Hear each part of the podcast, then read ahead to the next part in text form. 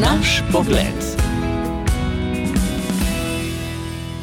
Kaj pa boste vi brali v tem poletju? Pismenost je ključna veščina in ključno merilo izobrazbe prebivalstva, pravita Max Roser in Esteban Ortiz Ospina. Zgodovinskega vidika se je stopnja pismenosti svetovnega prebivalstva v zadnjih nekaj stoletjih drastično povečala. Medtem ko je leta 1820 le 12 odstotkov ljudi na svetu znalo brati in pisati, se je danes delež obrnil. Le 14 odstotkov svetovnega prebivalstva je leta 2016 ostalo nepismenih, kar je pravzaprav dobra novica. A kljub velikim izboljšavam pri širjenju osnovnega izobraževanja in nenehnem zmanjševanju neenakosti v izobraževanju, pred nami ostajajo izzivi. Na svetovni ravni ostajajo velike neenakosti, zlasti med podsaharsko Afriko in preostalim svetom. V Fundaciji za svetovno pismenost World Literacy Foundation verjamejo v pismenost kot temelj vseživljenjskega učenja in izobraževanja. Ljudje, ki ne znajo brati ali pisati, imajo težave pri preprostih vsakodnevnih opravilih, kot je branje nalepke na steklenički zdravila, izpolnjevanje prošnje za zaposlitev ali razumevanje prometnega znaka. Ko nekomu pomagamo pridobiti pismenost, mu omogočimo dostop do boljših priložnosti v življenju. Podatki, ki so zaskrbljujoči, so, da 750 milijonov odraslih, med katerimi sta dve tretjini žensk, še vedno nimajo osnovnih veščin branja in pisanja. Približno 258 milijonov otrok in mladih ne hodi v šolo. Ljudje, ki so slabo pismeni, imajo več kot dvakrat večjo verjetnost, da bodo brezposelni.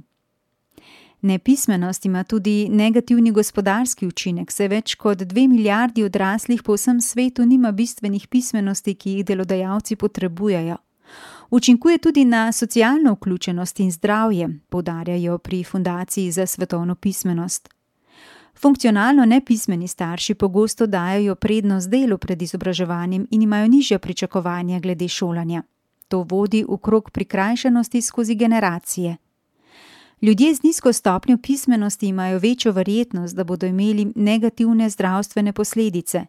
Pismenost namreč bistveno izboljša človekovo sposobnost dostopa do zdravstvenih informacij, njihovega razumevanja in uporabe za sprejemanje pravilnih odločitev. Pri Fundaciji za svetovno pismenost tudi poudarjajo, kako ključna je zgodnja intervencija glede pismenosti, in številne raziskave pričajo o tem, kako zelo velik vpliv na pismenost otrok in mladostnikov ima domače spodbudno okolje, ki je naklonjeno branju in tudi predbralnim aktivnostim. In kako je v Sloveniji? Mednarodna raziskava bralne pismenosti Pirals, ki raziskuje bralno pismenost četrtošolcev, je v svoji zadnji izvedbi zaznala pomemben upad. V letu 2021 so namreč naši učenci dosegli 23 točk manj kot leta 2016. Bralni dosežek se na mednarodni ravni in v Sloveniji povezuje tudi s tem, kako radi berejo starši. In le 26 odstotkov četrtošolcev ima starše, ki zelo radi berejo. Dokazano je, da bralno navdušenje staršev pomaga izboljšati navdušenost otrok nad branjem tudi v času mladostništva, kar še bolj podkrepi tezo, kako pomembno je, da starši radi beremo. Na pragu poletja vam tako želim, dragi poslušalci, drage poslušalke, da na knjižnih policah najdete knjigo, ki vas bo navdušila in da se bo do tega vašega navdušenja nalezli tudi otroci. Za boljšo prihodnost vseh nas. Naš pogled sem tokrat pripravila Damjana Medved.